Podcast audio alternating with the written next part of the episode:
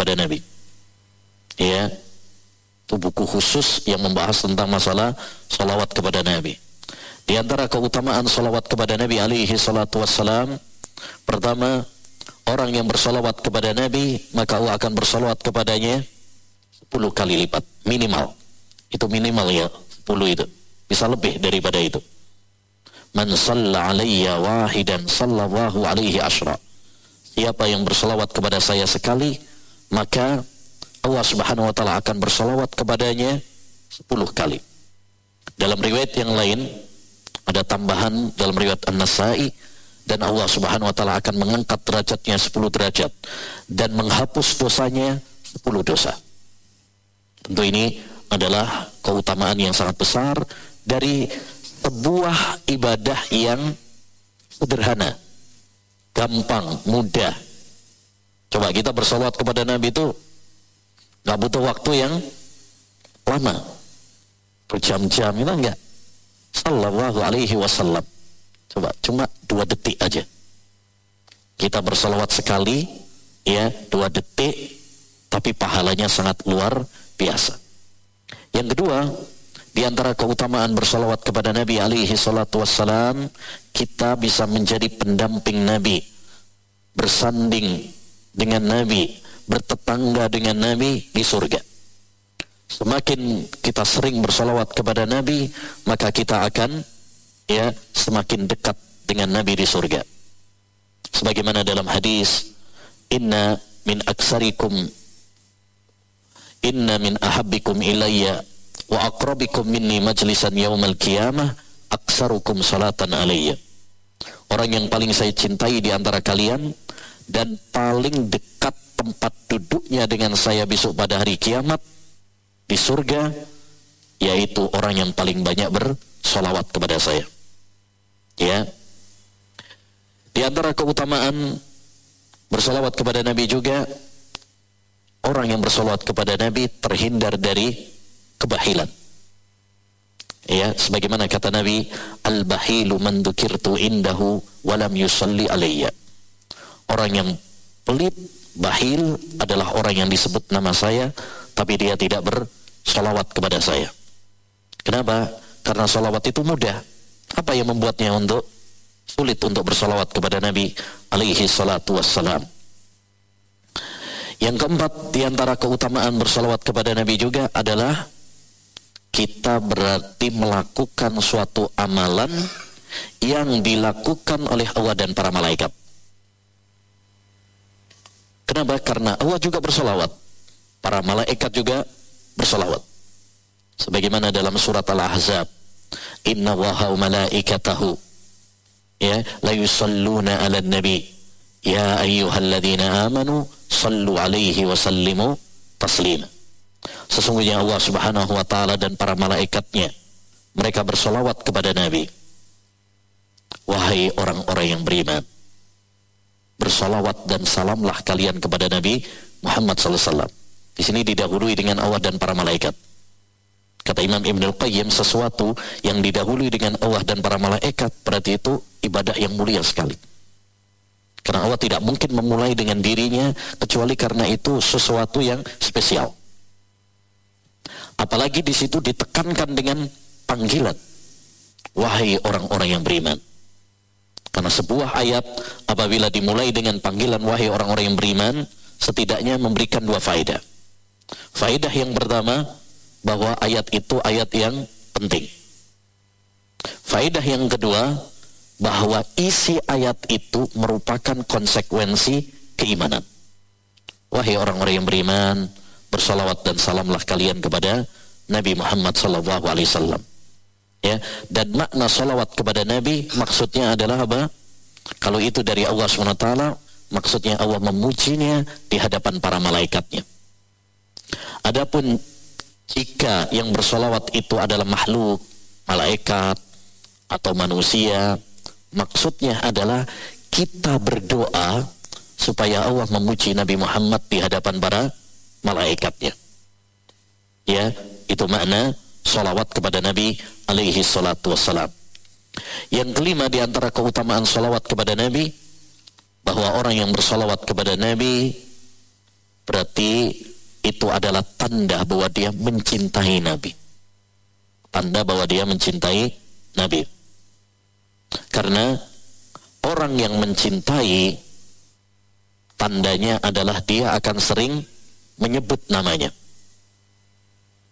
Makanya dulu pepatah Arab mengatakan man ahabbaka aksara min dikrik. Siapa yang mencintaimu maka dia akan sering menyebut namamu. Intinya, ayol ehwah, salah satu faedah kita belajar hadis Nabi SAW seperti ini, ya, uh, yaitu kita akan semakin sering bersolawat dan itu menjadi tabungan pahala bagi kita insya Allah taala. Oleh karenanya hendaknya bagi kita untuk bersemangat ya menghadiri majelis-majelis ilmu terutama ya majelis-majelis hadis. Karena dengan kita mempelajari hadis-hadis Nabi maka kita akan sering bersolawat kepada Nabi alaihi salatu wassalam. Baik. Kata beliau bahwa Nabi SAW bersabda at-tasbihu lirrijali. Mengucapkan tasbih yaitu subhanallah subhanallah itu artinya maha suci Allah subhanahu wa ta'ala jadi ketika kita mengucapkan subhanallah itu artinya maha suci Allah Subhanahu wa taala. Dan perlu kita ingat ketika kita mengucapkan subhanallah berarti kita mensucikan Allah Subhanahu wa taala dari tiga hal. Ketika kita mengucapkan subhanallah berarti kita mensucikan Allah taala dari tiga hal. Pertama, kita mensucikan Allah Subhanahu wa taala dari sifat-sifat yang tercela, dari sifat-sifat cacat yang kurang tidak pantas bagi Allah Subhanahu wa taala. Seperti misalkan sifat zalim, sifat lemah, ngantuk. Ya. Ini kita sucikan Allah Subhanahu wa taala. Makanya kita meyakini Allah tidak berbuat zalim kepada hambanya. Wala yadzlimu rabbuka ahada. Rabbmu tidak berbuat zalim kepada seorang pun. Demikian juga Allah Subhanahu wa taala tidak lemah, tidak ngantuk, tidak tidur. Seperti dalam ayat kursi, la ta'khudhuhu sinatu wala naum. Taib. Yang kedua, yang kedua adalah kita mensucikan Allah Subhanahu wa taala dari menyerupai makhluk. Dari menyerupai makhluk.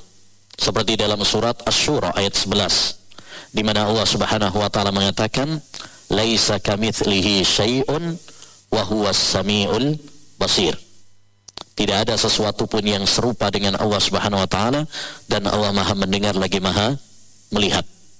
Jadi kita bersaksi, kita meyakini bahwa Allah Subhanahu wa taala tidak sama dengan makhluknya. Ya, pendengaran Allah tidak sama seperti pendengaran makhluk, penglihatan Allah tidak sama seperti penglihatan makhluk. Demikian juga sifat-sifat yang yang lainnya. Taib.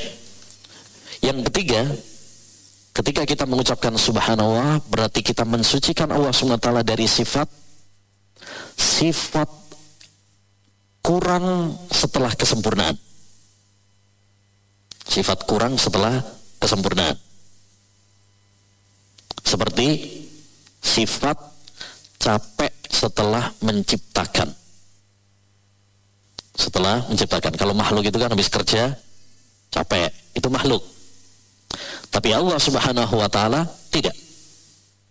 Ya, makanya dalam surat Qaf setelah Allah Subhanahu wa taala menyebutkan bahwa dirinya menciptakan langit dan bumi, ya, dalam tujuh hari kata Allah subhanahu wa ta'ala apa?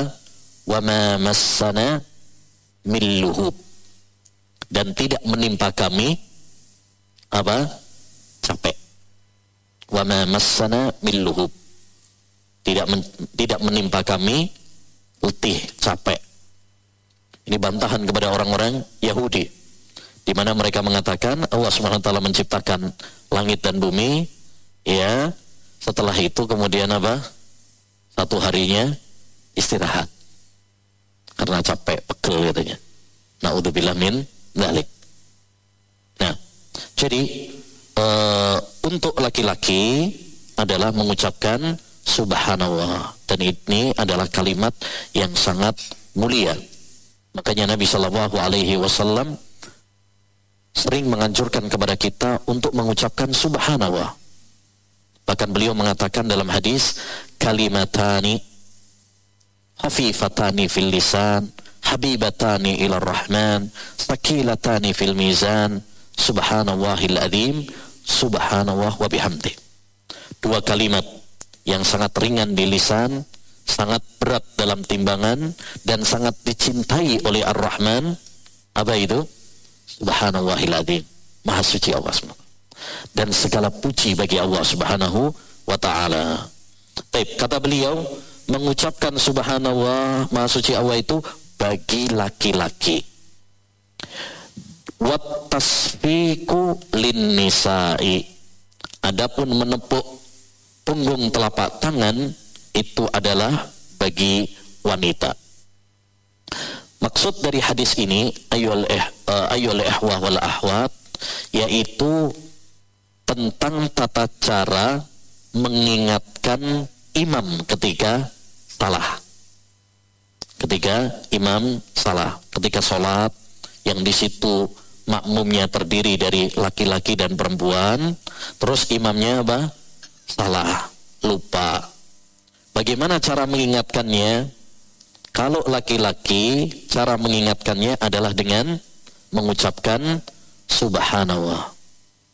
Jadi mungkin dia misalkan uh, apa namanya kurang rokaatnya atau lebih sholat duhur ya lima rokaat misalkan atau sholat duhur cuma dua rokaat misalkan. Maka cara mengingatkannya untuk uh, jamaah kaum laki-laki adalah menegur imam dengan mengucapkan subhanallah. Adapun kalau yang menegur tersebut adalah jamaah perempuan ya yang di belakang maka cara menegurnya adalah dengan ya menepuk telapak tangan ya tepuk tangan. Tape. Ini yang dimaksud dari hadis ini yaitu cara makmum mengingatkan kesalahan imam. Maka hadis ini menunjukkan kepada kita beberapa faedah. Faedah yang pertama bahwa syariat terkadang membedakan antara laki dan perempuan. Dulu pernah kita sampaikan sebuah kaidah fikih yang disebutkan oleh para ulama bahwa hukum asalnya laki dan perempuan itu tidak ada perbedaan. Tidak boleh kita membedakan antara laki dengan perempuan dalam hukum-hukum agama kecuali kalau ada dalil yang membedakan. Tapi kalau tidak ada dalil yang membedakan, maka hukum asalnya sama. Sebagaimana kata Nabi alaihi salatu wassalam, An-nisa'u saqa'ikur rijal.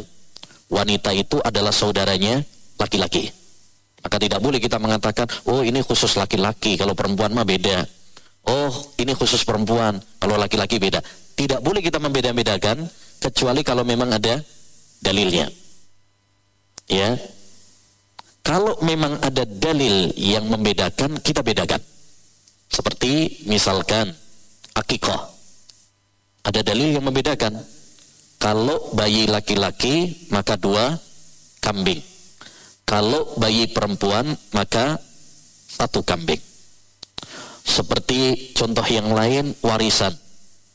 Ya, ada dalil dalam Al-Quran yang menunjukkan bahwasanya perempuan itu jatahnya separuh dari laki-laki walid zakari mislu hadzil unsayain ya demikian juga yang lainnya seperti yang pernah kita bahas juga cara apa membersihkan kencing dari bayi laki-laki sama bayi perempuan yang belum makan selain ASI air susu kalau bayinya laki-laki dan dia kencing dan dia belum makan selain dari susu, maka cara membersihkannya cukup dengan dipercikan. Tapi kalau bayinya perempuan, maka harus dengan di ya dibersihkan dengan air, disiram. Tidak boleh cuma dipercikan saja. Berarti ini ada dalil yang membedakan. Ketika ada dalil yang membedakan, maka kita bedakan. Kalau tidak ada dalil yang membedakan, maka tidak boleh kita membedakan. Dalam hadis ini Rasulullah membedakan cara menegur kesalahan imam ketika sholat. Kalau laki-laki cara menegurnya dengan mengucapkan subhanallah. Kalau perempuan cara menegurnya dengan bertepuk tangan. Eh, berarti Rasulullah membedakan. Kalau Rasulullah membedakan dan dalilnya sahih, maka kita bedakan. Jadi ini kaidah penting yang perlu kita pahami bersama bahwa hukum asal laki dan perempuan itu tidak ada perbedaan kecuali kalau memang ada dalil yang membedakan. Taib.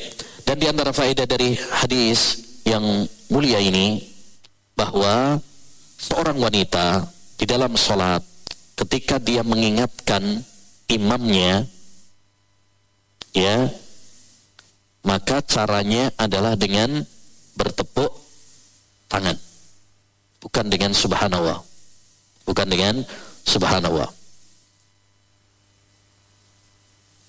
kalau imamnya apa ketika imamnya tersebut laki-laki yang bukan mahramnya. Adapun kalau misalkan ya, kalau misalkan e, suaminya sendiri misalkan kalau dia salah dalam bacaan, boleh. Boleh kita me, me, membetulkan? Boleh. Betulin aja suaminya. Terutama kemarin kayak pas Covid itu. Suaminya ngimami. Jarang-jarang ngimami, banyak salahnya. Misalkan, boleh. Istrinya apa? Membetulkan. Itu nggak ada masalah. Eh nggak ada masalah. Tapi kalau misalkan di masjid yang di situ campur antara laki dan perempuan, maka pertama biarkan yang mengingatkan adalah laki-laki. Biarkan yang mengingatkan adalah laki-laki. Tapi kalau dari laki-lakinya nggak ada yang mengingatkan, boleh bagi perempuan untuk mengingatkan, tapi caranya adalah dengan bertepuk tangan. Ya. Nah. Yang ketiga, di antara faedah dari hadis yang mulia ini adalah bahwa hendaknya seorang wanita menjaga suaranya. Menjaga suaranya. Walaupun suara wanita itu pada dasarnya bukanlah aurat. Tapi Nabi SAW di sini membedakan laki-laki, subhanallah. Kalau perempuan, ya tidak dengan suara, tapi dengan tepuk tangan. Kenapa? Karena bisa jadi, ya suaranya akan menjadi fitnah bagi kaum laki-laki yang sedang apa? Sholat. Nanti kalau misalkan dia nekurnya dengan uh, suara, Nah, sholatnya nanti malah nggak khusyuk. Khawatirnya ada laki-laki yang tergoda. Waduh suaranya, ya siapa ini yang negur? Masya Allah hafidho ini. Eh, bisa nih habis sholat nih minta nomor WA-nya. Nah, nanti malah nggak fokus nanti. Ya, di sini Nabi SAW apa? Menutup pintu. Ya, pintu-pintu apa? Fitnah. Apakah berarti suara wanita aurat? Bukan. Kemarin sudah kita sampaikan beberapa hadis dari Nabi SAW bahwa banyak para wanita juga datang langsung kepada Nabi bertanya, Nabi mendengarkan. Itu menunjukkan bahwa suara wanita bukanlah aurat. Tetapi tidak boleh bagi mereka untuk apa? Membuat-buat, memerdukan suaranya. Karena akan menjadi fitnah bagi laki-laki yang lemah imannya. Karena laki-laki itu bu, sangat rapuh kalau soal wanita.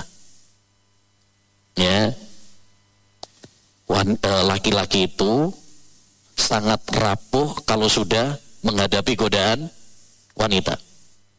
Hanya godaan wanita itu godaan yang sangat dahsyat.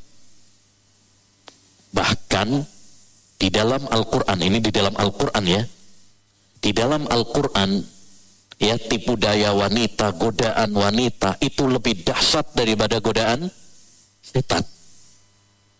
Saking dahsyatnya godaan wanita. Ya, godaan setan Allah mengatakan inna kaidas syaitani kana dha'ifa. Tipu daya setan itu lemah, godaan setan itu lemah. Tapi ketika Allah SWT mengatakan tentang godaan wanita, Allah mengatakan inna kaida kunna. Sesungguhnya tipu daya wanita itu sangatlah besar, sangatlah dahsyat. Ya. Oleh karenanya para wanita hendaknya menjaga suaranya jangan dimerdu-merdukan, biasa saja. Tapi jangan juga galak juga. Digalak-galakin juga jangan ya biasa saja. Tidak perlu dimerdu-merdukan, tapi juga nggak perlu digalak-galakkan, ya. Jangan juga biasa saja. Ya Allah Subhanahu wa taala berfirman dalam surat Al-Ahzab ayat 32, "Wala tahdha'na bil qaul fayatma alladhi fi qalbihi marad." Janganlah kalian membuat-buat suara kalian karena itu akan bisa menggoda laki-laki yang di dalam hatinya terdapat penyakit. Marot, marot di sini marot apa? Penyakit apa? Penyakit syahwat. Karena penyakit itu ada dua. Penyakit itu ada dua. Subhat dan syahwat. Subhat itu kerancuan, keraguan. Dan itu disebutkan juga di dalam Al-Quran sebagai penyakit. Seperti dalam surat Al-Baqarah. Tentang orang-orang munafik fi kulubihim maradun fazadahumullahu marada. Di dalam hati mereka terdapat penyakit. Lalu Allah menambah penyakit mereka. Itu penyakit syubhat. Yang kedua penyakit syahwat. Nah itu yang dimaksud di dalam surat Al-Ahzab ayat 32 tadi. Tip. Jadi eh, hendaknya seorang wanita untuk menjaga suaranya. Kalau di dalam sholat saja Nabi SAW mengatakan cara menegurnya wanita jangan dengan suara, cukup dengan tepuk tangan. Padahal itu dalam sholat. Orang kalau sholat itu insya Allah secara umum nggak kepikiran macam-macam gitu ya. Tapi kalau itu di dalam sholat tetap ditutup rapat-rapat oleh Nabi SAW, bagaimana dengan di luar sholat? Ya, apalagi kalau di luar sholat. Taib. Dan di antara faedah dari hadis yang mulia ini adalah bahwa tepuk tangan pada dasarnya adalah ya ciri khasnya wanita. Ciri khasnya wanita. Oleh karenanya dari dari hadis ini diambil dalil oleh sebagian para ulama tidak boleh laki-laki itu apa? tepuk tangan. Karena itu termasuk menyerupai wanita, perempuan. Dulu sudah pernah kita bahas hadis dari Nabi Shallallahu Alaihi Wasallam, la'anallahu al-mutashabbihina minar rijali bin nisa wal mutashabbihati minan nisa'i bir rijal. Ya, Allah melaknat laki-laki yang menyerupai wanita dan wanita yang menyerupai laki-laki. Ya, oleh karenanya e, kalau memang ada sesuatu yang menakjubkan, cukup ucapkan subhanallah atau doakan barakallahu fiik karena kan enggak kalau ada ya, tepuk tangan ya. Ini pada dasarnya adalah ciri khasnya perempuan. Ya ciri khasnya perempuan. Maka laki-laki ya dilarang untuk ikut-ikutan. Karena ini ciri khasnya perempuan. Baik. Berikutnya. Hadis yang ke 22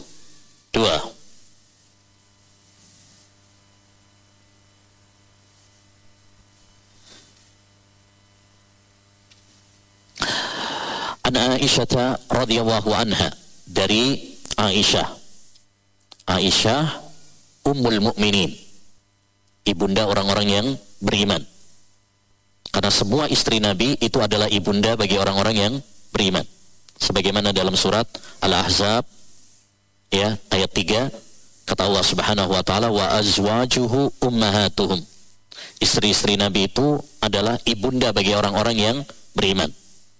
Makanya kalau ada yang tidak mengakui Aisyah sebagai ibundanya, jangan-jangan dia bukan orang yang beriman. Kayak orang-orang Syiah. Orang Syiah nggak mengakui. Saya nggak mengakui Aisyah itu ibunda saya. Ya. Maka berarti mereka bukan orang-orang yang beriman karena Aisyah itu ummul mukminin. Beliau itu ibunda bagi orang yang beriman.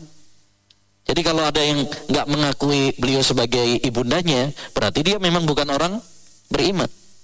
Ya, karena beliau hanya ibunda bagi orang-orang yang beriman saja. Ya. Kunyah beliau Ummu Abdillah. Ummu Abdillah. Walaupun beliau tidak punya anak namanya Abdillah. Bahkan beliau tidak punya anak. Karena istri-istri Nabi yang nikah dengan Nabi Wasallam itu yang punya anak cuman Khadijah. Ya, sama budak wanita beliau Maria Al-Qibtiyah. Adapun selain daripada itu, ya, Allah tidak takdirkan untuk memiliki anak.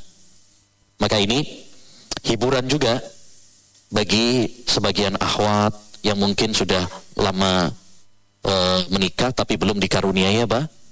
Anak. Gak usah bersedih hati. Istri-istri Nabi banyak juga yang belum dikaruniai anak. Jadi anak itu Allah Subhanahu wa taala yang memberikan. Ya. Nah, Allah Subhanahu wa taala tahu siapa yang e, berhak untuk diberi dan tidak diberi. Percayalah bahwa pilihan Allah itulah yang terbaik. Wa asa an takrahu syai'an wa huwa khairul lakum. Bisa jadi kalian membenci sesuatu padahal itu baik bagi kalian. Ya, mungkin nggak dikasih anak supaya kita lebih fokus untuk ibadah. Ya, bisa lebih fokus untuk ibadah. Taip. Dari Aisyah semoga Allah Subhanahu wa taala meridhoinya. Ini istri yang paling dicintai oleh Nabi. Suatu saat Nabi pernah ditanya oleh seorang sahabat Abdullah bin Amr bin Al-As Ya Rasulullah, man ahabbun nasi ilai? Siapakah wahai Rasulullah orang yang paling kamu cintai? Dengan tegas, tanpa basa-basi, Nabi mengatakan, Aisyah. Aisyah yang paling dicintai oleh Nabi SAW. Kalau wa rijal. Kalau laki-laki siapa wahai Rasul? Ini sahabat berharap dirinya gitu ya. Karena setiap sahabat Nabi kalau sudah dekat dengan Nabi itu merasa dialah yang paling dicintai oleh Nabi. Karena Nabi itu akhlaknya paling baik. Sehingga semua orang yang bersahabat dengan beliau merasa dialah yang paling dicintai. Tapi Nabi SAW nggak bisa bohong. Nabi itu nggak bisa bohong, nggak bisa basa-basi. Kelas langsung Abuha ayahnya. Jadi Aisyah itu adalah orang yang paling dicintai oleh Nabi. Demikian juga Abu Bakar As Siddiq. Oleh karenanya, siapa pun yang membenci Aisyah, berarti sama saja dia membenci Rasulullah SAW. Ya, Alhamdulillah orang-orang Syiah, Rafidah, mereka sangat benci kepada Aisyah, Abu Bakar, Umar, Hafsah. Bahkan mereka punya doa, doa pamungkas mereka yang disebut dengan doa Lison Mai Quraisy, dua patung Quraisy. Itu doanya isinya apa? Allahumma an lisan mai Quraisy wa banatayhima. Ya Allah, laknatlah kedua patung Quraisy dan kedua putrinya. Siapa yang dimaksud kedua patung Quraisy? Abu Bakar dan Umar. Kedua putrinya maksudnya Hafsah dan Aisyah. Bahkan mereka mempermainkan ayat-ayat Al-Quran. Ya, masa firman Allah Subhanahu wa taala tentang Musa kepada Bani Israel, "Inna waha ya'murukum an tadbahu baqarah." Kata Nabi Musa kepada Bani Israel, Allah memerintahkan kepada kalian menyembelih sapi. Kata orang-orang Syiah, yang dimaksud sapi di situ Aisyah. Ini ini bukan penafsiran, ini mempermainkan ayat-ayat Al-Quran. Apa hubungannya ucapan uh, Musa kepada Bani Israel dengan ya Aisyah? Kan nggak nyambung sama sekali. Ya, jadi mereka sangat benci setengah mati kepada Abu Bakar, Umar, demikian juga kepada Aisyah, kepada Hafsah Demikian juga kepada Abu Hurairah. Mungkin kita bertanya-tanya, kenapa mereka begitu benci setengah mati kepada Abu Bakar, Umar, Aisyah, ya, Abu Hurairah dibandingkan dengan sahabat-sahabat Nabi yang lain? Jawabannya, ya, rahasianya adalah karena Aisyah juga Abu Hurairah adalah orang yang paling banyak meriwayatkan hadis. Hubungannya, kalau dua sahabat ini sudah dicaci maki, dilaknat, dikafirkan, berarti ribuan hadis berarti tertolak. Itu tujuannya. Makanya ketika mereka mencela Abu Hurairah, mencela Aisyah, itu pada dasarnya bukan mencela pribadinya. Bukan mencela pribadinya saja, tetapi lebih daripada itu mereka ingin menghancurkan apa? Islam. Ya, Makanya mereka itu adalah kaum munafik, ya musuh-musuh dalam selimut yang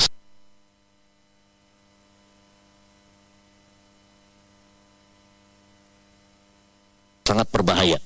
Humul adu fahdharhum. Mereka adalah musuh sejati, musuh sesungguhnya. Maka waspadalah terhadap mereka. Intinya Aisyah Ummul Mukminin adalah uh, istri Nabi cukuplah sebagai keutamaannya. Rasulullah sangat mencintainya. Cukuplah sebagai keutamaannya. Bahwa Allah Subhanahu wa taala menurunkan beberapa ayat dalam surat An-Nur sebagai pembelaan kepada ibunda Aisyah. Ayat-ayat Al-Qur'an yang akan dibaca sampai kiamat nanti. Ya di mana Allah SWT membela ibunda Aisyah dari tuduhan orang-orang munafik yang mengatakan bahwa bahwasanya beliau berzina. Kemudian Allah turunkan Al-Quran yang akan dibaca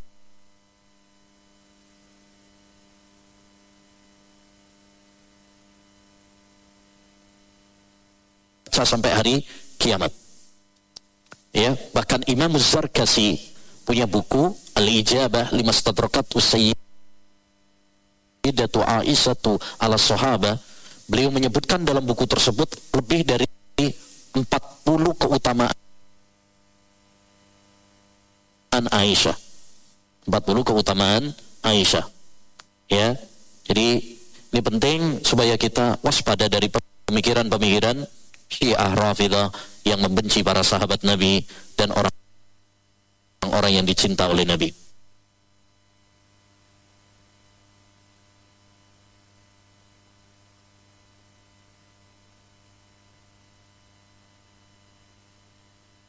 Radhiyallahu anha. Semoga Allah meridainya. Qalat beliau mengatakan qala Rasulullah sallallahu alaihi wasallam. Rasulullah sallallahu bersabda. Ya. Dan Aisyah tadi termasuk daftar sahabat yang paling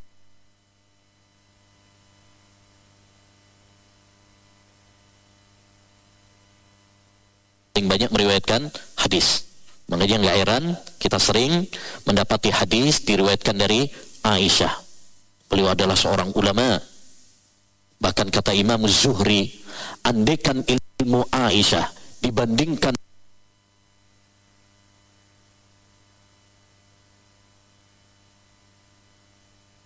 dengan ilmu wanita-wanita di dunia, ilmu Aisyah lebih banyak daripada mereka. Ya, Taib. Rasulullah SAW pernah bersabda, "Idza tasaddaqatil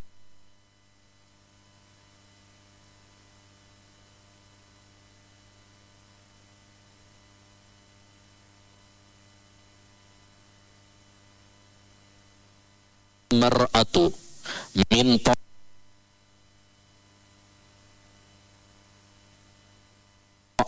zawjiha apabila seorang istri bersedekah dari makanan suaminya. Ghaira mufsidatin tanpa menimbulkan kerusakan. Kanalaha ajruha maka baginya pahala. Wali zaujiha bima kasab dan suaminya juga dapat pahala atas ceripayahnya mencari harta.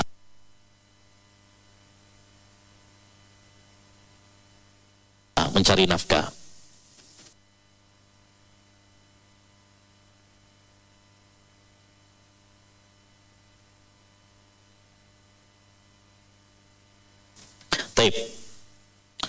Hadis ini para ikhwan dan akhwat yang semoga dirahmati oleh Allah Subhanahu wa taala memberikan kepada kita beberapa faedah.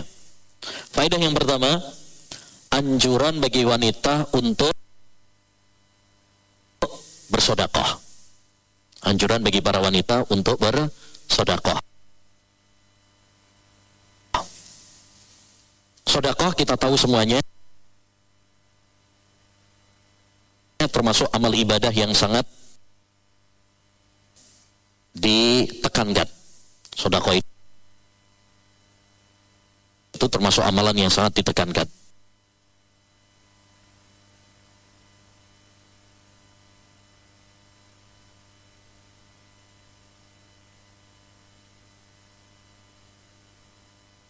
Banyak keutamaan-keutamaannya. Di antara keutamaannya, dia adalah pelebur dosa. Wassadaqatu tudfi'ul khati'ah kama yudfi'ul ma'un nar. Sedekah itu melebur dosa sebagaimana air bisa memadamkan api. Ya. Jadi sedekah bisa mematikan dosa, menghapus dosa sebagaimana air bisa mematikan api. Ya. Nah, ini sekarang lagi banyak musim kebakaran ya. Nah, cara yang paling efektif kalau musim kebakaran gini adalah hujan. Ya, hujan. Kalau sudah musim hujan, beres tuh. Ya, beres. Makanya banyak doa kepada Allah SWT supaya diturunkan apa? Hujan. Ya, pada saat-saat seperti seperti ini. Di antara keutamaan sodakoh juga dia akan didoakan oleh malaikat. Jadi seti, uh, setiap pagi kata Nabi Shallallahu Alaihi Wasallam ada dua malaikat yang mendoakan. Yang satu mendoakan Allahumma a'ti munfiqan khalafa. Ya Allah, siapa yang bersodakoh di pagi ini, maka gantilah dengan yang lebih baik. Didoain sama malaikat. Masya Allah, kita didoain Ustadz aja udah seneng. Apalagi ini didoain malaikat yang tidak pernah maksiat kepada Allah Subhanahu wa taala. Yang satunya Allahumma a'ti ya mumsikan talafa. Ya Allah, siapa yang pelit, bahil, gak bersodakoh di hari ini, maka hancurkan hartanya. Ya, maka hancurkan hartanya. Jadi intinya kita dihancurkan untuk ber sodakoh khususnya para wanita khususnya para wanita sodakoh memiliki peran yang sangat besar bagi wanita itulah sebabnya kenapa Rasulullah SAW saat khutbah Idul Fitri kemudian beliau mengabarkan uritun nar faida aksaru ahliha minan nisa aku diperlihatkan neraka ya ternyata penduduk neraka yang paling banyak adalah wanita. Terus apa yang diperintahkan oleh Nabi? Tasodakna. Wahai para wanita, sodakohlah. Kenapa? Karena sodakoh bagi wanita itu bisa menyelamatkan dia dari neraka. Ya, sebagaimana tadi sodakoh itu bisa menghapus uh, dosa, sebagaimana air bisa menghapus ya api Begitu juga sodakoh bagi wanita itu bisa menyelamatkannya dari neraka.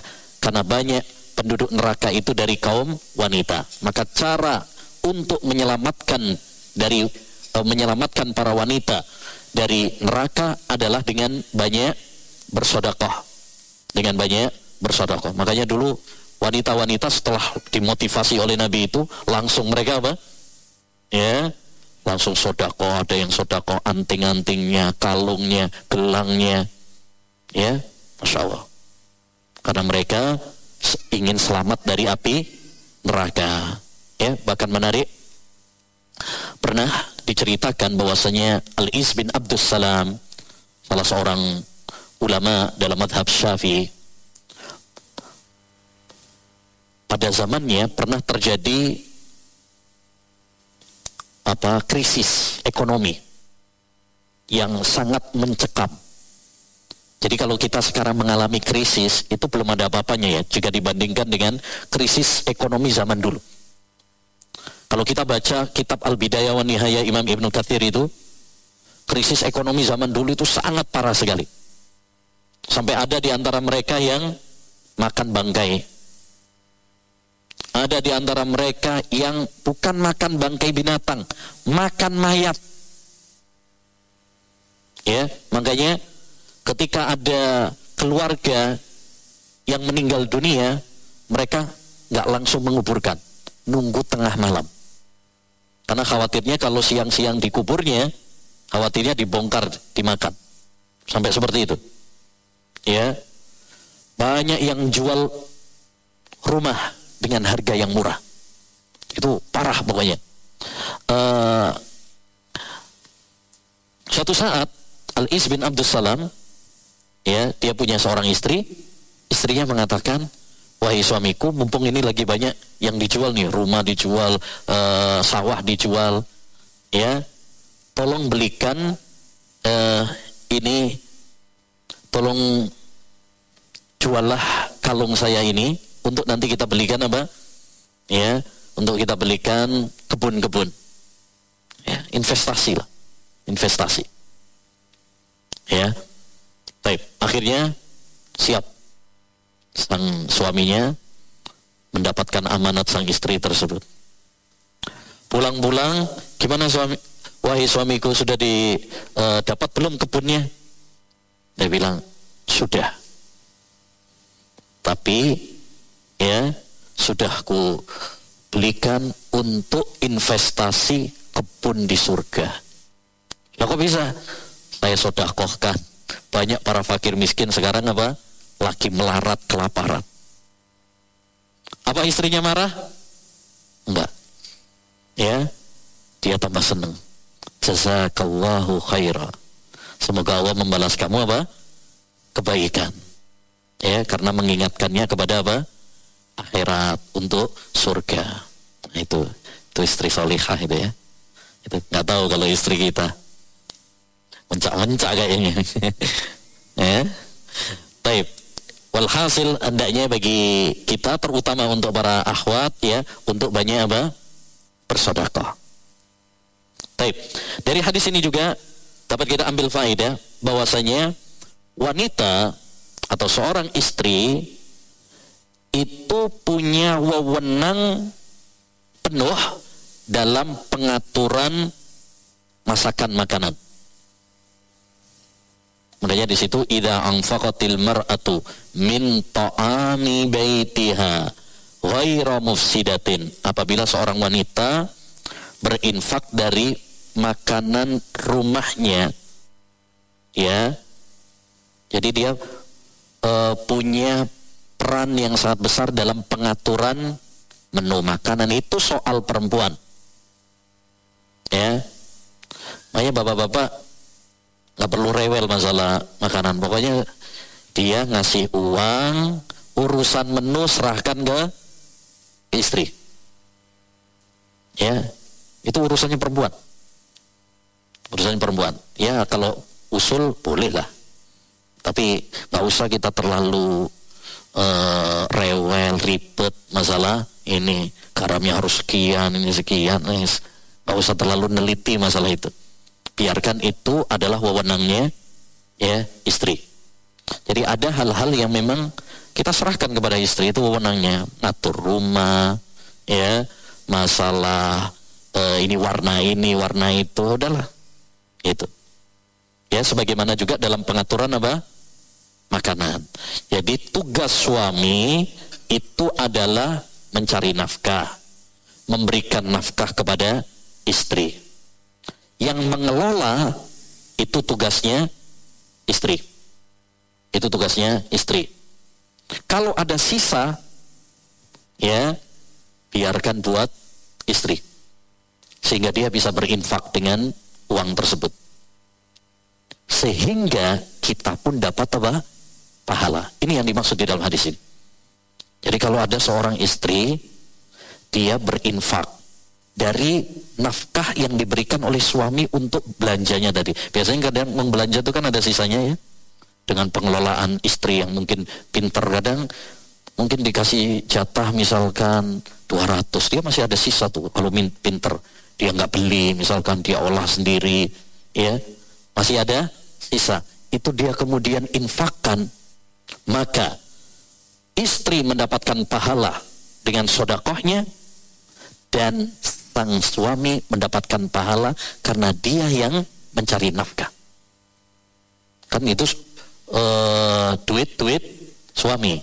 Tapi yang berinfak karena kepintaran istri dalam mengelola ya mengelola uang belanja akhirnya dia bisa berinfak dengan uang hasil dari pemberian suami tadi maka di sini dua-duanya dapat pahala istri dapat pahala karena dia bersodakoh ya suami dapat pahala karena dia yang mencari nafkah ya nah dari sini berarti faedahnya adalah istri harus pintar-pintar mengelola uang belanja.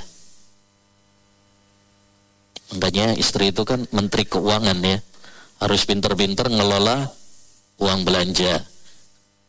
Apakah diatur dalam agama Islam? Secara umum diatur. Tapi koidah secara umum saja. Yaitu apa? Hendaknya seorang istri tidak berlebih-lebihan, tapi juga tidak terlalu pelit.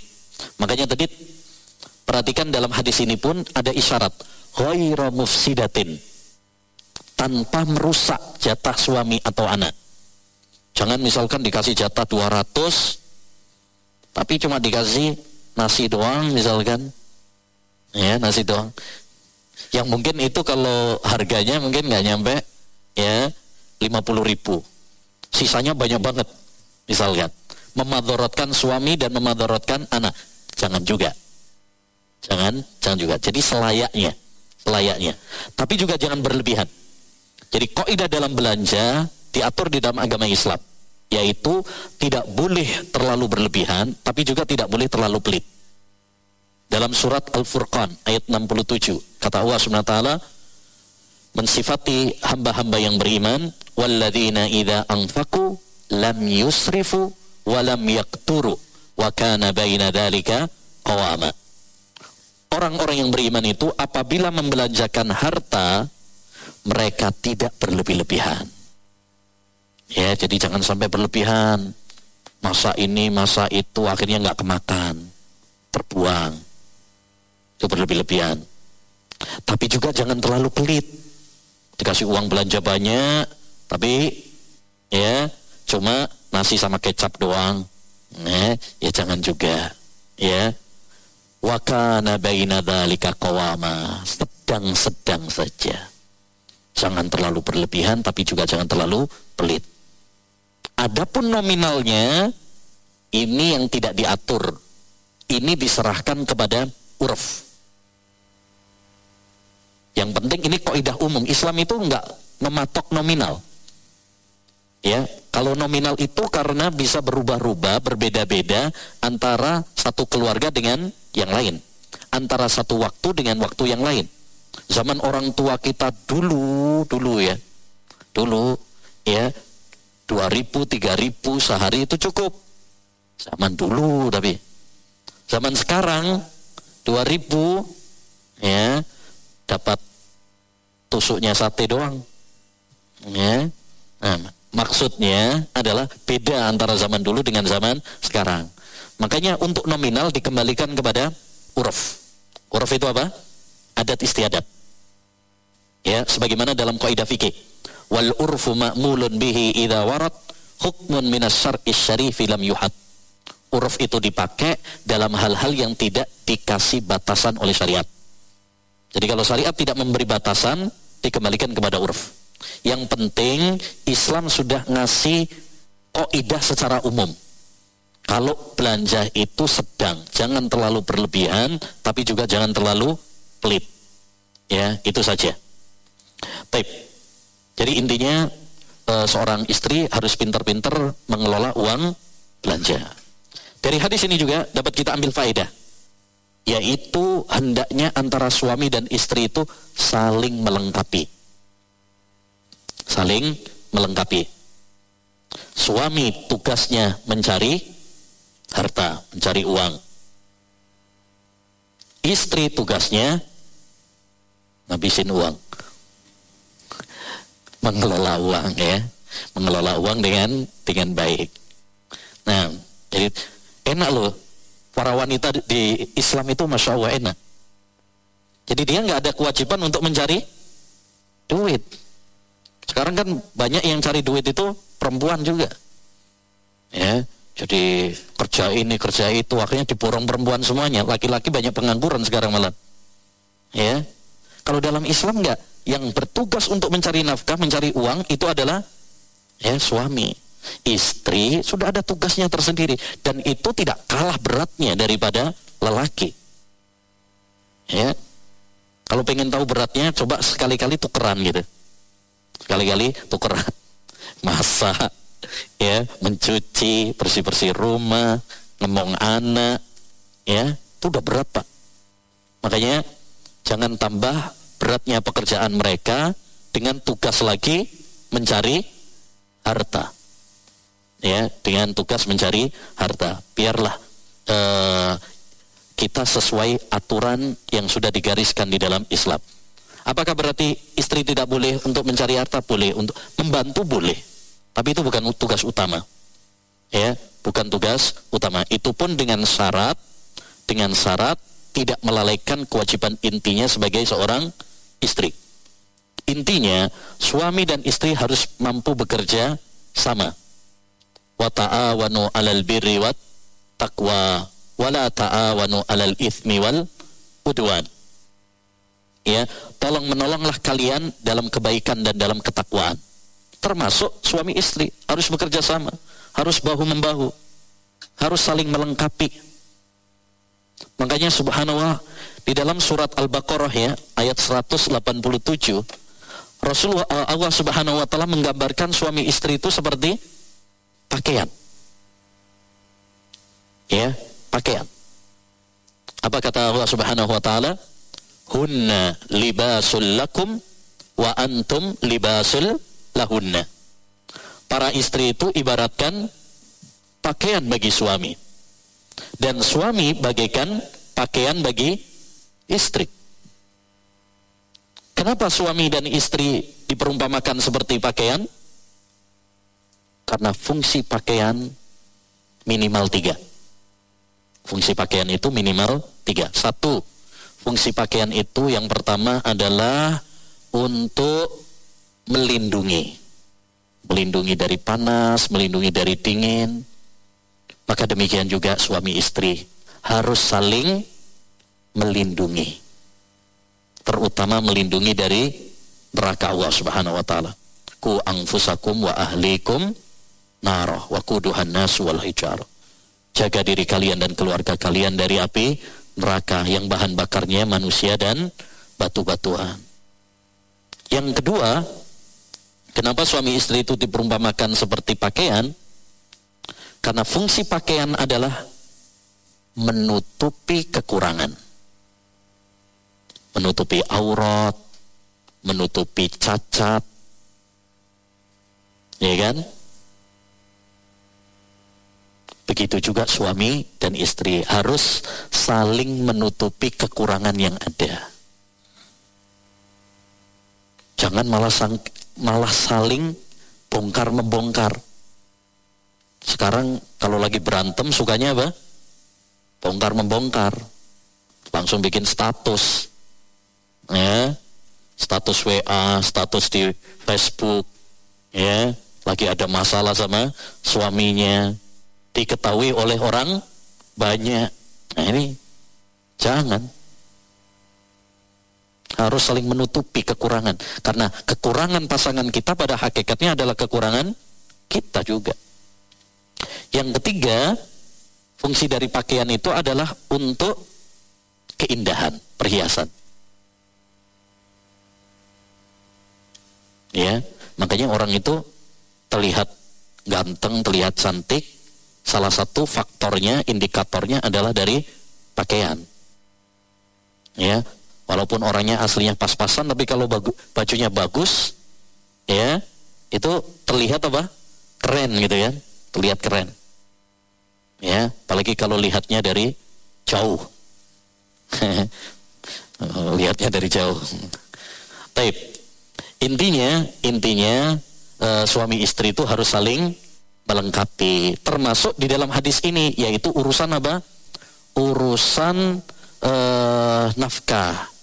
Suami harus saling melengkapi. Suami bagian mencari nafkah, istri bagian mengelola. Ya, bagian mengelola. Caranya bagaimana tadi? Dikelola dengan tidak berlebih-lebihan, tapi juga tidak terlalu apa? pelit. Ya makanya itu diatur bu. Yang baik yang bagus. Makanya bapak-bapak juga kalau uh, belanja bagus juga. Yaitu apa? Nemenin istrinya. Kalau lagi belanja ditemenin. Anak kalau belanja selalu tak temenin. Soalnya kalau nggak ditemenin tambah banyak. Tambah banyak baik Berikutnya di antara hadis dari hadis ini dari hadis yang ke 23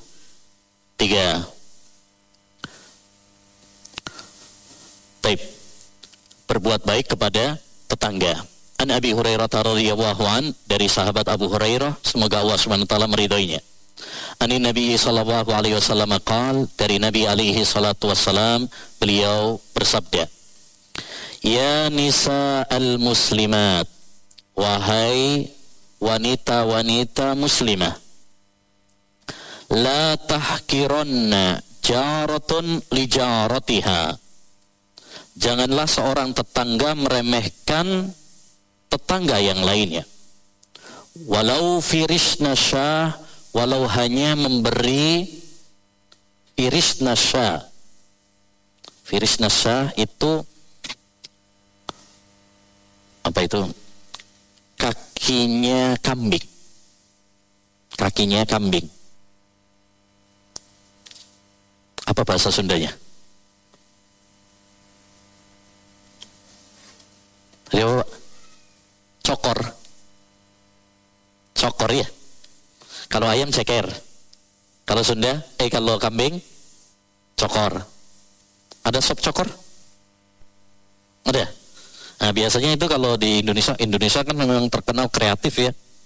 Masya Allah apa aja bisa dibikin makanan sama dia. Ya, makanya uh, makanan-makanan top dunia Indonesia masuk biasanya 10 besar. Ya. Nah, rendang masuk ya kan. Terbaru kemarin apa? Rawon ya. Pokoknya kalau masalah makanan serahkan ke orang Indonesia udah. Baik, intinya intinya maksudnya dari hadis ini adalah janganlah seorang wanita itu meremehkan perbuatan baik sekecil apa pun. Termasuk ketika berbuat baik kepada tetangganya. Jangan dia meremehkan. Walaupun hanya memberikan tadi. Ya cuma apa kaki kambing. Kaki kambing itu kalau di Arab biasanya dimakan, dibuang. Ya, dibuang. sana nggak pinter pak ngelola di sana. Orang Arab nggak pinter ngelola uh, kaki kambing, cerohan, itu dibuang biasanya.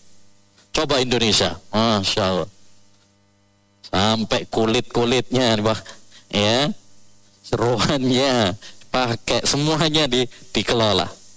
Ya. Jadi makanan jadi jadi rezeki juga itu ya. Nah maksudnya apa Nabi SAW jangan meremehkan kita berbuat baik kepada tetangga walaupun hanya memberikan sesuatu yang mungkin terasa apa? Kecil sederhana. Ya. Maka di sini menunjukkan kepada kita satu anjuran kepada para wanita untuk bersodakoh walaupun cuma sedikit Makanya Nabi SAW pernah mengatakan, Ittaqun nar walau bisyikki tamrah. Takutlah kalian dari neraka, walaupun dengan bersodakoh separuh kurma. Kurma itu satu aja, itu sudah kecil gitu ya. Ini separuhnya. Ya, walaupun hanya segitu gitu.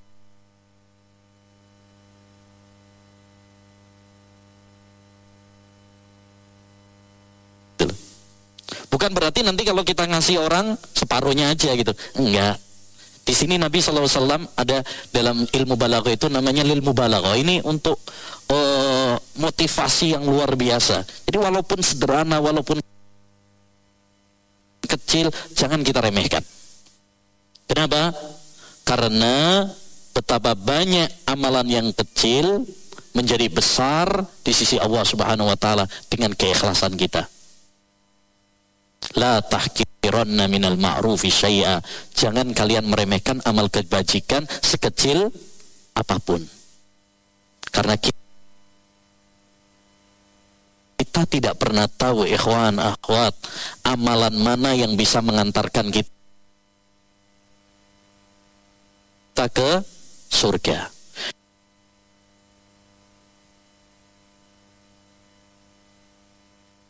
Bisa jadi amalan itu kecil, remeh, menurut kita justru itulah yang bisa mengantarkan kita menuju surga.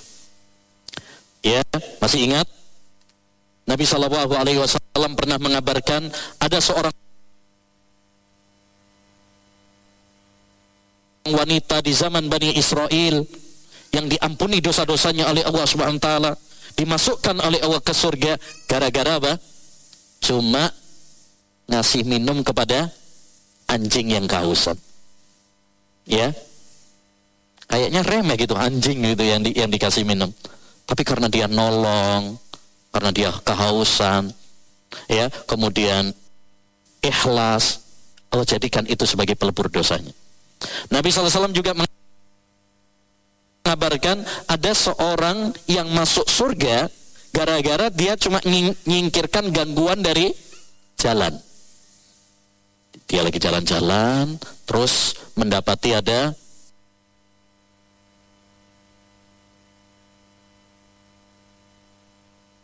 kayu atau batu di tengah jalan. Nah, dia singkir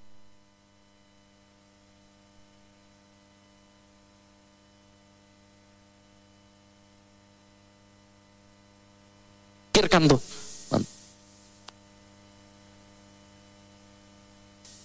Dengan niat supaya tidak mengganggu dan menyakiti orang-orang yang lewat di sana. Kata Allah Subhanahu wa taala, eh, kata Nabi fa'adkhalahul jannah. Allah masukkan dia ke surga. Padahal itu amalannya ringan, ringan sekali. Gampang.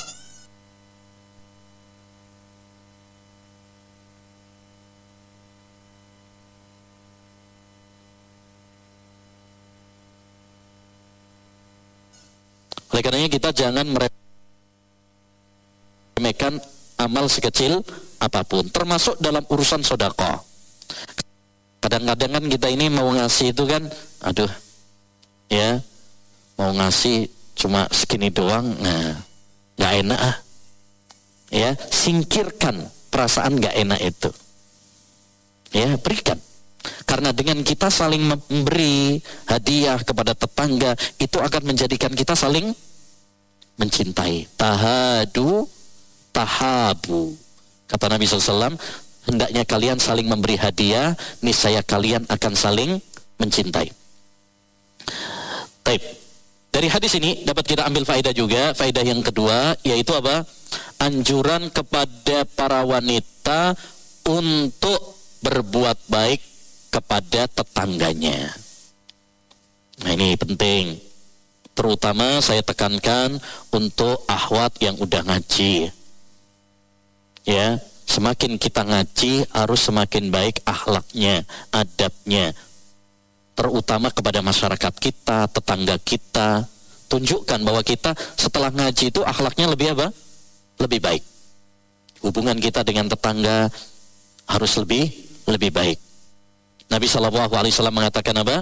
Man kana yu'minu billahi wal yawmil akhir fal yukrim jaroha.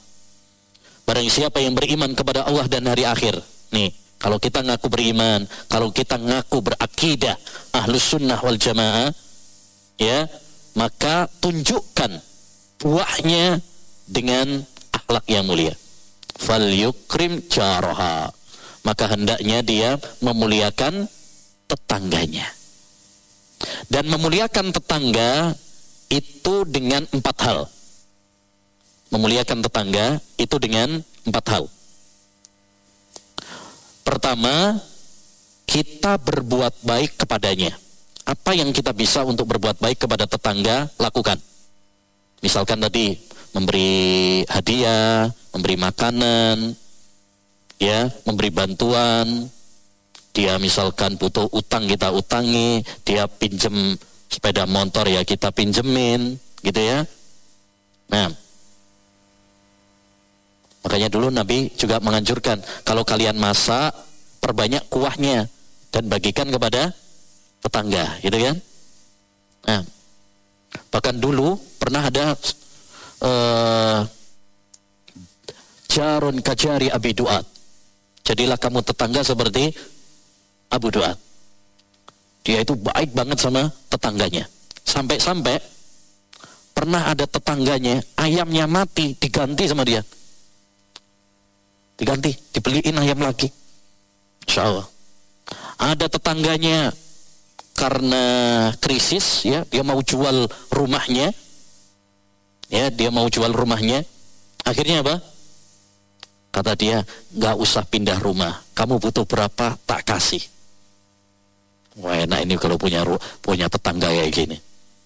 Ya mau saya. Ya. baik. Yang kedua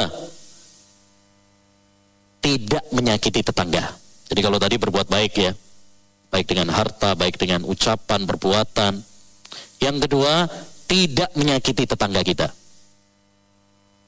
Ini hati-hati menyakiti tetangga. Ya namanya tetangga ini kan dekat dengan rumah kita ya.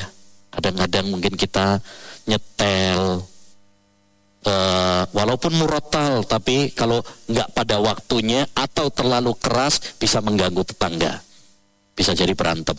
Apalagi kalau dangdutan Kadang ada sebagian kita punya tetangga apa? Nah, ya kayak di kafe aja atau ada walimah aja, kenceng banget. Taib. Atau misalkan juga nih kadang parkiran mobil sembarangan menghalangi ya pintu rumahnya atau pagarnya sehingga mengganggu jalannya. Atau biasanya punya material yang mengganggu ya jalannya. Hati-hati juga itu kadang menyakiti. Yang sering juga kalau punya binatang ya ayam atau lagi kadang-kadang ada yang punya anjing ya kemudian ee di rumah tetangga nah ini hati-hati ya karena kalau itu bisa menyakiti tetangga kita, ya, maka kita berarti tidak berbuat baik, tidak memuliakan tetangga dan itu bikin permusuhan. Menjadikan hubungan antara seorang dengan tetangganya akhirnya nggak nggak baik. Hati-hati. Semua hal yang membuat uh, menyakiti tetangga kita maka itu dilarang. Perlu dihindari. Yang ketiga, talaqatul wajah. Wajah yang berseri-seri, ramah, ya kalau ketemu nyapa salam nanya kabar kata Nabi SAW latah kata Nabi SAW ya latah tahkiranna minal ma'rufi syai'an walau antalqa ahaka biwajhin talik jangan meremehkan amal kebajikan sekecil apa pun walaupun senyuman yang kamu berikan kepada saudaramu ya ibu-ibu ketemu dengan ibu tetangga ya nyapa salam. Jangan istilah orang apa? Eksklusif. Gak mau eh, nggak uh, mau ketemu sama orang, ngumpet aja nggak mau gaul, itu juga nggak bagus. Ya, hendaknya bagi kita untuk apa? Bergaul dengan baik. Ya, kalau ada tetangga kita misalkan punya acara kita bantu-bantu itu termasuk akhlak yang baik kepada tetangga dan yang keempat sabar menghadapi gangguan tetangga namanya tetangga tidak ada yang sempurna pasti ada ada ada aja permasalahan anak kita kadang cerat-cerit ganggu tetangga juga ya kan nah, kita harus sabar Ya nggak ada yang sempurna. Mungkin kita diomongin sama dia, dihibain sama dia. Ya, lucu pernah dulu ditanyakan kepada seorang ulama, saya pengen bertetangga dengan orang yang nggak mau, yang nggak menghibah saya, yang nggak menyakiti perasaan saya. Akhirnya dibawa ke ulama tersebut ke kuburan. Nah, di sini nih. Kalau pengen cari tetangga yang nggak mau riba, yang nggak ini di sini nih, ya sepi di sini. Mereka nggak bakal riba. Artinya kita nggak nggak ada yang mau bisa selamat dari omongan orang itu nggak ada. Ya, mau tinggal di mana pun ya nggak ada yang sempurna. Bahkan di komunitas ikhwan akhwat yang udah ngaji sekalipun. Ya, bahkan kadang-kadang semakin pedes sih malah. Ya, ada sebagian walaupun udah ngaji ya tetap omongannya tetap apa? Nyelekit juga pedes juga. Jadi nggak ada yang selamat. Ya nggak ada yang selamat. Oleh karenanya yang dibutuhkan adalah apa? Kesabaran. Makanya sabar itu pahalanya besar. Surga. Ya kata Allah Subhanahu wa taala menceritakan tentang ucapan malaikat nanti kepada penduduk surga salamun alaikum bima sobartum kesejahteraan untuk kalian karena kesabaran kalian. Ya, karena memang sabar itu berat, Pak. Makanya pahalanya surga. Kalau ringan, ya paling cuma hadiahnya kipas angin boleh. Ya. Nah, berikutnya. Hadis yang ke-24. Wanita iktikaf, bolehkah an Aisyah radhiyallahu anha? Dari Aisyah semoga Allah Subhanahu wa taala meridhoinya. Anna Nabi sallallahu alaihi wasallam bahwasanya Nabi sallallahu kana ya'takiful asral awakhir min Ramadan. Adalah Nabi sallallahu alaihi wasallam mengerjakan iktikaf pada 10 akhir dari bulan Ramadan hatta tawaffahu sampai Allah Subhanahu wa taala mewafatkannya summa takafa azwajuhu min ba'dih kemudian setelah itu para istrinya melakukan iktikaf sepeninggal Nabi Shallallahu Alaihi Wasallam. Hadis ini menunjukkan kepada kita beberapa faedah. Faedah yang pertama disyariatkannya iktikaf. Apa itu iktikaf? Iktikaf artinya berdiam diri di masjid dalam rangka ibadah kepada Allah Subhanahu wa taala. Dan i'tikaf disyariatkan berdasarkan dalil-dalil Quran, hadis dan ijma, kesepakatan para ulama. Dalil dari Al-Quran, firman Allah dalam surat Al-Baqarah, wa antum akifuna fil masajid. Kalian itikaf di masjid. Dalil dari hadis banyak. Seperti dalam hadis ini, di mana Rasulullah SAW iktikaf di 10 akhir bulan Ramadan. Ini menunjukkan bahwa iktikaf itu sunnah yang dilakukan oleh Nabi Shallallahu Alaihi Wasallam, disyariatkan. Dan ini juga sudah ijma. Ijma itu artinya apa? Kesepakatan para ulama. Jadi para ulama sudah sepakat bahwa iktikaf itu adalah disyariatkan disunnahkan, dianjurkan. Tidak ada perselisihan di kalangan para ulama bahwa itikaf itu adalah disyariatkan. Ya. Dan tidak ada perbedaan di kalangan para ulama bahwa itikaf itu hukumnya sunnah, tidak sampai wajib. Kecuali kalau dia bernadar. Kalau dia bernadar, jadilah itikaf menjadi wajib. Tapi hukum asal itikaf adalah sunnah. Hukum asal itikaf adalah sunnah. Taib. Dan hikmah dari itikaf, hikmah dari itikaf adalah dua. Pertama, hikmah dari itikaf itu fokus untuk ibadah. Karena orang kalau itikaf di masjid, ini bisa lebih apa? Fokus untuk ibadah. Karena kalau di rumah ini biasanya gangguannya banyak. Coba aja kita kalau lagi di rumah ya kan, gangguannya apa? Banyak. Apalagi kalau 10 akhir Ramadan. Ah. Ya. Dah, godaannya banyak tuh.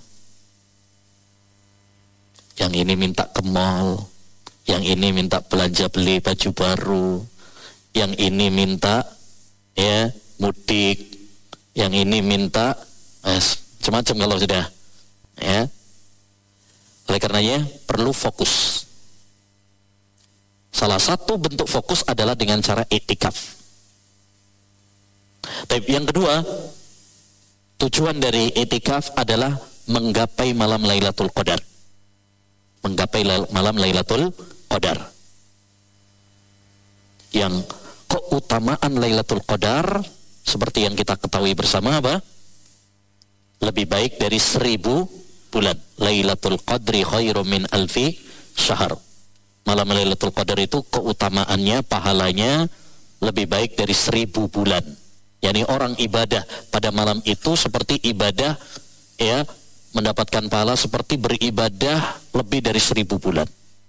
Seribu bulan itu sebanding dengan 83 tahun 4 bulan. 83 tahun 4 bulan. Bayangkan, ini ibadah cuma satu malam, satu malam saja, tapi pahalanya sebanding seperti 83 tahun 4 bulan. Apa enggak spesial banget itu? Luar biasa. Umur kita aja belum belum tentu nyampe 80 tahun. Karena umur manusia itu rata-rata kata Nabi berapa? 60-70 rata-rata ya. A'maru ummati ma baina sittina was sab'in. Umur umatku itu rata-rata 67 70. Ya. Kalaupun ada yang 80 atau 100 itu jarang sekali, sedikit sekali. Tapi ini Masya Allah luar biasa malam Lailatul Qadar. Nah, karena malam Lailatul Qadar itu ada di 10 malam 10 malam terakhir bulan Ramadan, makanya Nabi SAW itikafnya di 10 akhir bulan Ramadan. Tapi apakah itikaf itu hanya disyariatkan di bulan Ramadan saja atau di 10 akhir saja? Tidak. Boleh. Ya, selain Ramadan juga boleh itikaf itu ya. Boleh. Cuma yang paling ditekankan adalah di bulan Ramadan. Lebih-lebih di 10 akhir Ramadan karena malam Lailatul Qadar itu ada di 10 akhir bulan Ramadan. Kalau ada yang mengatakan kenapa malam Lailatul Qadar itu ditaruh di 10 akhir kok nggak di awal gitu ya? Jawabannya innamal a'malu bil khawatim. Karena setiap amalan itu patokannya adalah penutup akhirnya. Kalau masih awal-awal itu biasanya masih semangat, Pak. Masih uh, apa itu namanya? Masih penyaringan. Ya babak penyisihan Mas Ian.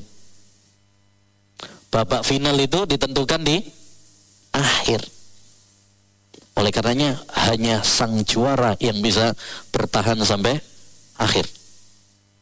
Ya apalagi kalau 10 akhir Ramadan. Nah itu sudah sudah banyak yang berguguran di tengah jalan tuh. Ya Berbeda kalau masih awal-awal. Kalau masih awal itu Masya Allah rame. Mungkin Masjid An-Nafi bisa sampai keluar itu kalau awal-awal ya. Kalau akhir, nah, paling satu baris. Bahkan di sebagian tempat kembali asal lagi. Muadzin sama imamnya aja. Ya.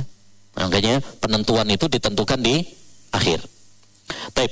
Dan di antara faedah dari hadis yang mulia ini adalah bolehnya iktikaf bagi wanita. Diambil dari mana? Diambil dari istri-istri Nabi juga iktikaf. Kalau seandainya itu adalah kemungkaran, tentu tidak akan dilakukan oleh istri-istri Nabi. Apalagi iktikafnya para wanita itu ada sejak zaman Nabi dan Nabi tidak mengingkarinya. Berarti itu masuk takrir, persetujuan. Ya. Betul hukum asalnya wanita itu adalah di rumah. Tapi kalau ada dalil yang menunjukkan bahwa mereka uh, boleh keluar ya atau iktikaf atau sholat idul fitri idul adha maka tidak mengapa karena tentu di sana ada kemaslahatan-kemaslahatan dengan syarat apabila aman dari fitnah. Ya, misalkan tempatnya bisa dipisah aman gitu ya. Adapun apabila tidak aman dari fitnah, maka tidak boleh. Karena darul mafasid muqaddamun min jalbil masalih. Membendung kerusakan itu lebih didahulukan daripada mendapatkan kemaslahatan. Misalkan ini kalau dikhawatirkan nanti kalau dia iktikaf nggak aman, nanti bisa jadi nanti ya eh, ada laki-laki yang masuk ke situ misalkan nggak aman, tempatnya nggak aman misalkan, maka nggak boleh. Tapi kalau tempatnya aman, insya Allah nanti ada yang menjaga, ada panitianya, ya, maka ini tidak mengapa. Jadi disyariatkannya atau bolehnya wanita iktikaf itu dengan syarat apa? Aman dari fitnah. Apabila tidak aman dari fitnah maka tidak boleh. Karena menjaga kehormatan wanita, menjaga keamanan mereka itu lebih utama. Baik, saya kira itu yang bisa kita bahas pada kesempatan kali ini. Insya Allah Ta'ala nanti kita lanjutkan pada pertemuan berikutnya. Baik, insya Allah ta'ala kita jawab beberapa pertanyaan. Setelah itu nanti kita kasih pertanyaan juga ya. Kasih pertanyaan juga insya Allah. Bismillah. Afan Ustadz saya mau bertanya apakah mencuci baju langsung dengan rendaman air dan sabun sudah sah bersih dari najis? Ataukah harus dibilas dulu dengan air baru direndam air dan sabun? Syukron jazakumullah khairan. Cukup. Yang penting dulu patokannya sudah kita sampaikan patokan suci dari najis itu adalah apa? Hilang pengaruh najisnya. Ya warnanya baunya sudah hilang berarti sudah suci. Jadi kalau misalkan direndam dengan air dengan sabun ya dan setelah itu kemudian dipilas dan itu sudah hilang eh, pengaruh-pengaruh najisnya berarti sudah suci. Ya berarti sudah sudah suci. Jadi patokannya yang penting pengaruh najisnya sudah hilang. Dengan cara apa pun yang penting pengaruh najisnya sudah hilang berarti sudah sudah suci. Bismillah, Assalamualaikum warahmatullahi wabarakatuh. Waalaikumsalam. Afan izin bertanya. Tadi dijelaskan patokan suci dari benda najis Adalah jika pengaruh najisnya sudah hilang. Ya ini Ini pada pertemuan berikut eh, kemarin ya. Bagaimana dengan Ompol anak yang terkena di kasur. Kalau spraynya kan bisa diganti Tapi kalau kasurnya Harus dibagaimanakan ustadz. Apa harus disikat lalu dijemur? Jazakumullah khairan. Ya Ya, di yang penting pokoknya tadi patokannya adalah e, dihilangkan dari pengaruh najisnya. Ya bisa, bisa dengan disikat ya dengan sedikit air. Kemudian apa? Jangan banyak-banyak nanti malah rusak. Kemudian dijemur yang penting baunya pesingnya sudah apa hilang ya dengan sedikit air sudah cukup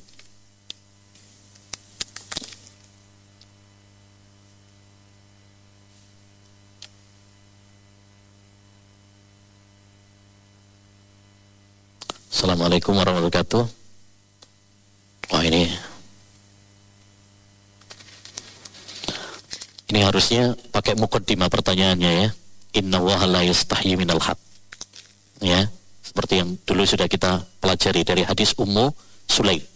Kalau pertanyaan tersebut pertanyaan yang sifatnya e, tabu, maka hendaknya dikasih pendahuluan. Jangan langsung ke poinnya. Itu sebagai adab. Ini apa hukum alat bantu seks dalam Islam? Ya, ini kan sebenarnya tabu. Kalau pertanyaan itu sifatnya tabu, maka hendaknya dikasih mukaddimah, pendahuluan. Ya. Apa Ustaz mau nanya misalkan ya uh, sebenarnya malu tanya tapi ini masalah agama. Jadi ada pendahuluannya dulu. Mestinya seperti itu. Baik, uh, apakah boleh? Hukum asalnya boleh. Ya hukum asalnya boleh karena segala sesuatu masalah-masalah dunia patokannya atau koidahnya adalah apa? Boleh sampai ada dalil yang melarang. Selama itu tidak memadorotkan ya maka tidak tidak mengapa. Karena hukum asal masalah dunia adalah boleh. Ini kaidah dalam fikih. Hukum asal masalah dunia adalah boleh. Huwallazi khalaqalakum ma fil ardi jami'a. Dialah Allah SWT yang menciptakan untuk kalian apa yang ada di muka bumi ini. Jadi sudah dipersilahkan oleh Allah Subhanahu wa taala. Selama hal itu uh, tidak memaborotkan. Tidak memaborotkan.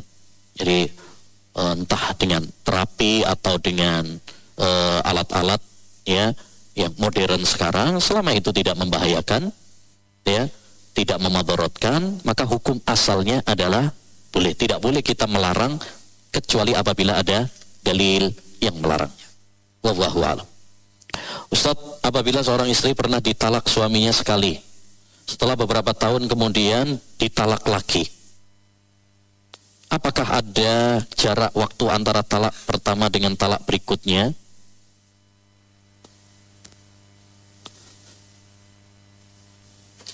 Kalau setelah setahun dia talak lagi nggak ada artinya, karena berarti sudah apa? Ya sudah habis masa idahnya. Jadi talak satu itu ditunggu sampai selesai masa idah ya ditunggu sampai masa iddah. Kalau dia masih belum selesai masa iddah masih ada kemungkinan untuk balik. Ya rujuk. Ya ditunggu sampai masa masa iddah. Itu hukumnya masih suami istri. Ya hukumnya masih suami istri. Kalau masih masa iddah dia masih bisa balik. Baliknya bagaimana? Bisa dengan ucapan ya namanya orang misalkan tengkar mungkin dia nyesal. Udah ayo kita uh, memulai lagi dari nol. Kayak pom bensin aja mulai lagi dari nol. Ya. nah atau yang kedua dari perbuatan. Dengan perbuatan. Rujuk itu bisa dengan dua. Bisa dengan ucapan bisa dengan perbuatan. Perbuatan itu dengan hubungan suami istri kalau seorang suami istri sudah hubungan, padahal dia sudah mentala, tapi dalam masih dalam masa iddah ya, berarti itu namanya sudah rujuk. Mungkin dia malu ngomong-ngomong gitu ya, Terus nggak pakai ngomong deh, langsung eksekusi. Ya, itu namanya apa? Sudah rujuk itu namanya. Itu sudah rujuk. Baik. Uh, tapi kalau misalkan dia sudah talak satu, kemudian dia tidak merujuk istrinya sampai habis masa idahnya, berarti itu sudah apa? Pisah. Ya, sudah pisah. Itu sudah bukan suami istri lagi. Boleh dia kembali rujuk lagi, tapi dengan akad baru. Dia kayak nikah dari awal lagi. Nikah dari awal lagi. Ada mahar, ada saksi. Ya, seperti apa? Seperti nikah awal lagi. Jadi kalau ini misalkan setelah beberapa tahun kemudian talak lagi, ya sudah selesai masa idahnya. Ya. Dia e, tidak berhak untuk mentalak. Sudah bukan suami istri. Ya, tapi kalau dia mau balik lagi bisa dengan cara apa? Dengan cara akad baru lagi. Seperti halnya kita nikah pengantin baru lagi. Nah,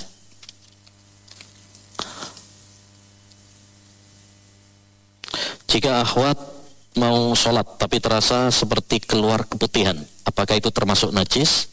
Bagaimana cara mengatasi ketika eh, taib? Ini ada tiga pertanyaan ini. Taib satu-satu dulu aja. Jika akhwat mau sholat tapi terasa seperti keluar keputihan, apakah itu termasuk najis? E, keputihan itu ada perselisihan di kalangan para ulama. ada dua pendapat. Pendapat pertama, pendapat yang mengatakan keputihan itu najis. Dengan alasan segala sesuatu yang keluar dari kubul dan dubur, maka itu adalah najis. Ya. Tapi pendapat yang kedua, ini pendapat jumhur, mayoritas ulama mengatakan keputihan itu tidak najis. Keputihan itu tidak tidak najis. Alasannya apa? Satu, uh, hukum asal segala sesuatu itu tidak najis sampai ada dalil yang menajiskan. Tidak ada dalil yang menjelaskan secara jelas bahwa keputihan itu najis. Yang kedua, keputihan itu banyak terjadi pada wanita. Seandainya itu najis tentu akan memberatkan. Dan di antara kaidah dalam syariat adalah al-masyaqqatu tajlibut taysir. Kesulitan itu membawa kemudahan. Ya, yang ketiga, keputihan itu sudah ada sejak di zaman Nabi SAW. Andikan itu najis tentu pasti akan dijelaskan oleh Nabi alaihi salatu wassalam. Tatkala Nabi tidak menjelaskannya, maka ya hukum asalnya berarti kembali kepada hukum asal yaitu tidak najis.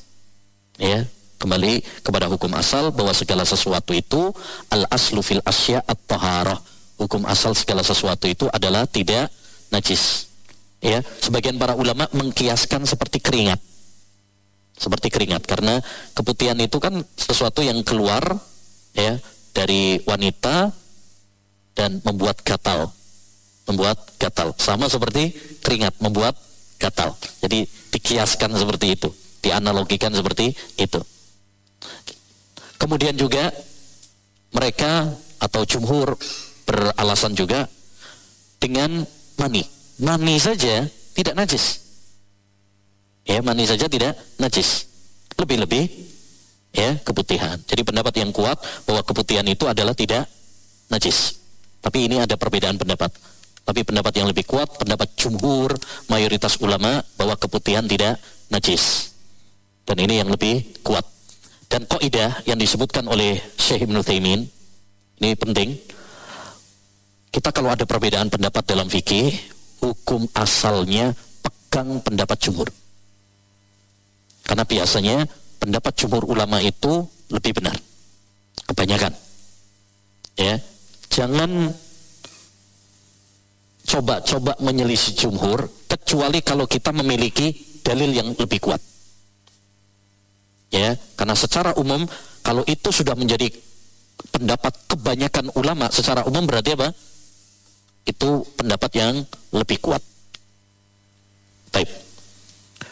Tadi kemudian yang kedua bagaimana cara mengatasi ketika akhwat kajian dari pagi sampai sore ketika mau sholat apakah harus ganti pakaian? Tadi kalau itu bukan najis ya berarti tidak tidak harus ya tidak harus ganti pakaian. Tapi kalau misalkan mau ganti ya nggak apa-apa juga membawa ganti misalkan. Tapi e, ini kan kembali kepada tadi. Kalau kita menguatkan bahwa itu tidak najis karena keputihan berarti apa? Tidak wajib, tidak ada kewajiban untuk ganti pakaian. Bagaimana cara sholat ahwat yang bercadar? Apakah harus dilepas ketika berjamaah? Para ulama sepakat bahwa wanita hukum asalnya ketika sholat tidak boleh bercadar. Itu sudah sepakatan para ulama. Seperti dinukil oleh Imam Tahawi dan Imam At-Tabari. Ya, uh, wanita hukum asalnya ketika sholat tidak boleh bercadar. Kecuali, nah ini ada pengejaran. Tapi hukum asalnya misalkan sholat di rumah nggak perlu bercadar. Atau misalkan di tempat yang sudah terpisah wanita tersendiri tidak dilihat oleh kaum laki-laki, maka hukum asalnya apa? Wajib dilepas. Ya wajib dilepas. Makanya sering juga sudah kita sampaikan ya kalau ahwat sudah kumpul sama sesama ahwat dan sudah aman dari pandangan uh, ikhwan ya maka dicopotlah ya cadarnya. Bukan hanya dalam sholat saja. Ini taklim juga. Satu untuk biar mereka saling apa? Mengenal. Yang kedua uh, menghindari penyusup. Siapa tahu nanti ada yang cadaran padahal kumisnya tebal. Nah, itu makanya dilepas biar saling mengenal. Kalau dalam sholat begitu, begitu juga. Hukum asalnya dilepas. Kecuali kalau tempatnya lalu lalang laki-laki. Ya, maka bagi para ulama yang mewajibkan cadar, mereka mengatakan apa? Dipakai cadarnya. Karena takutnya dilihat oleh laki-laki. Ya, itu. Tapi hukum asalnya tadi, hukum asalnya wanita ketika sholat itu tidak perlu untuk memakai cadar dilepas.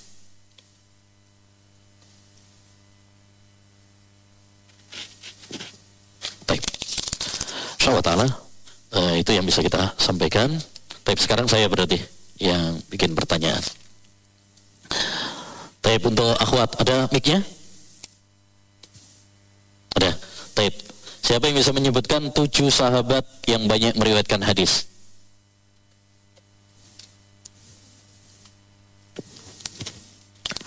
Bismillahirrahmanirrahim. Satu Abu Hurairah. Usahakan yang belum pernah jawab sebelumnya. Dua Saya. Abdullah bin Umar. Tiga Abdullah bin Abbas. Empat Ummul Mukminin Aisyah radhiyallahu anha. Lima Anas bin Malik. Enam Jabar bin Abdullah. Tujuh Abu Said Al Khudri. Masya Allah, tayyib. Belum pernah jawab ya? Baik, di didahulukan yang belum pernah jawab. Baik, e, pertanyaan kedua. Tadi kita sampaikan berbuat baik kepada tetangga mencakup empat ya. Apa saja?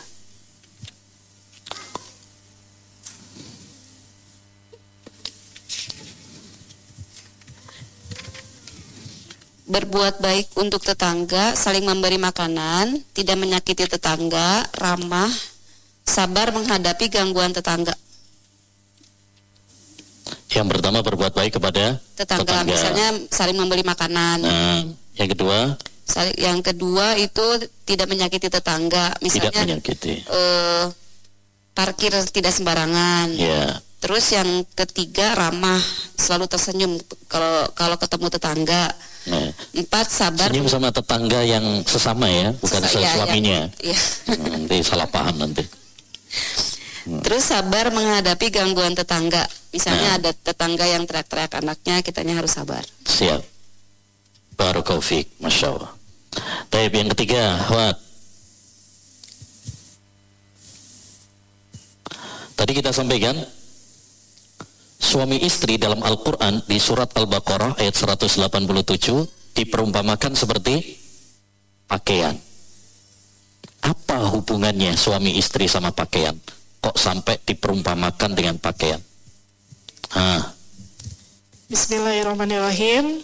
Suami istri diibaratkan pakaian karena fungsi pakaian itu satu untuk melindungi Berarti suami istri harus saling saling melindungi, terutama. Ya, berarti melindungi. suaminya suruh mayungi gitu ya. Nah, terutama nah, melindungi dari api neraka. Ya, kalau biar nggak kehujanan, ya kasihlah payung. Nah. Yang kedua untuk menutupi kekurangan. Jadi suami istri itu harus saling menutupi kekurangan. Ya, jangan malah bongkar-bongkar bikin status. Betul. Yang ya. ketiga untuk keindahan atau perhiasan. Nah, maka Jadi, orang istri harus bersyukur kalau sudah punya suami, suami. karena itu keindahan. Ya. Ya, Begitu, percuma cantik kalau belum punya suami. Percuma ganteng kalau belum punya istri. Mubadir. Nah. Asad. Barakallahu fi. Baik. Pertanyaan yang ke berapa ini berarti? Keempat. Ya, masih ada. Baik, tadi kita sampaikan lima keutamaan solawat kepada Nabi. Ya.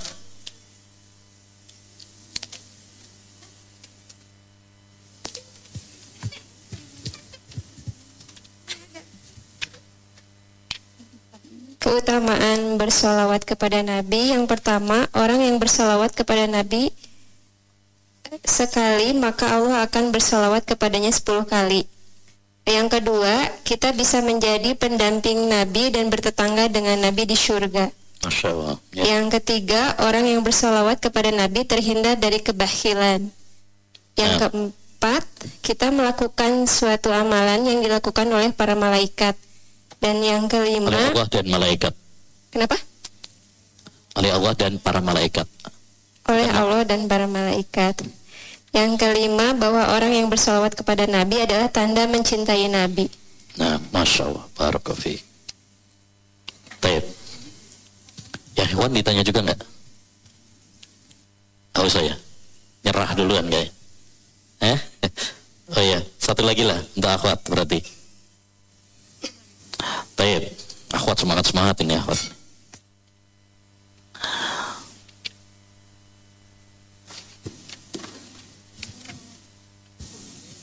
Taib.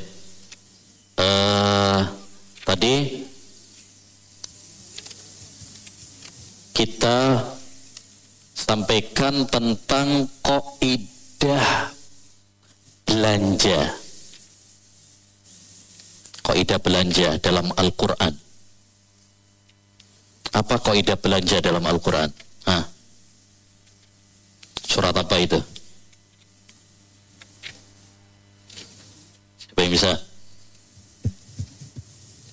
Bismillah.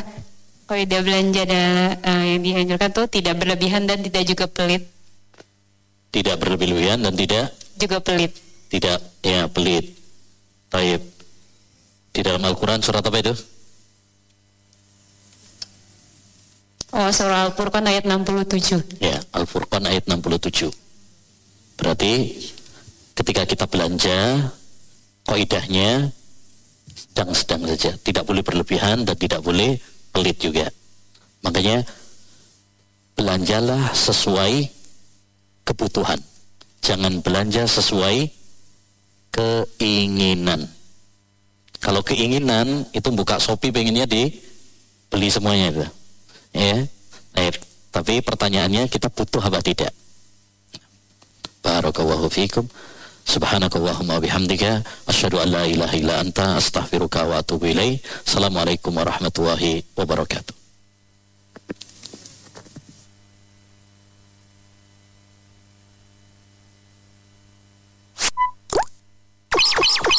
Yuk belanja di TS Mart. Dengan belanja di TS Mart, Anda turut berpartisipasi dalam dakwah yang diselenggarakan YTS. Download aplikasi Tarbiyah Sunnah di handphone Anda. Tersedia di Google Play dan App Store.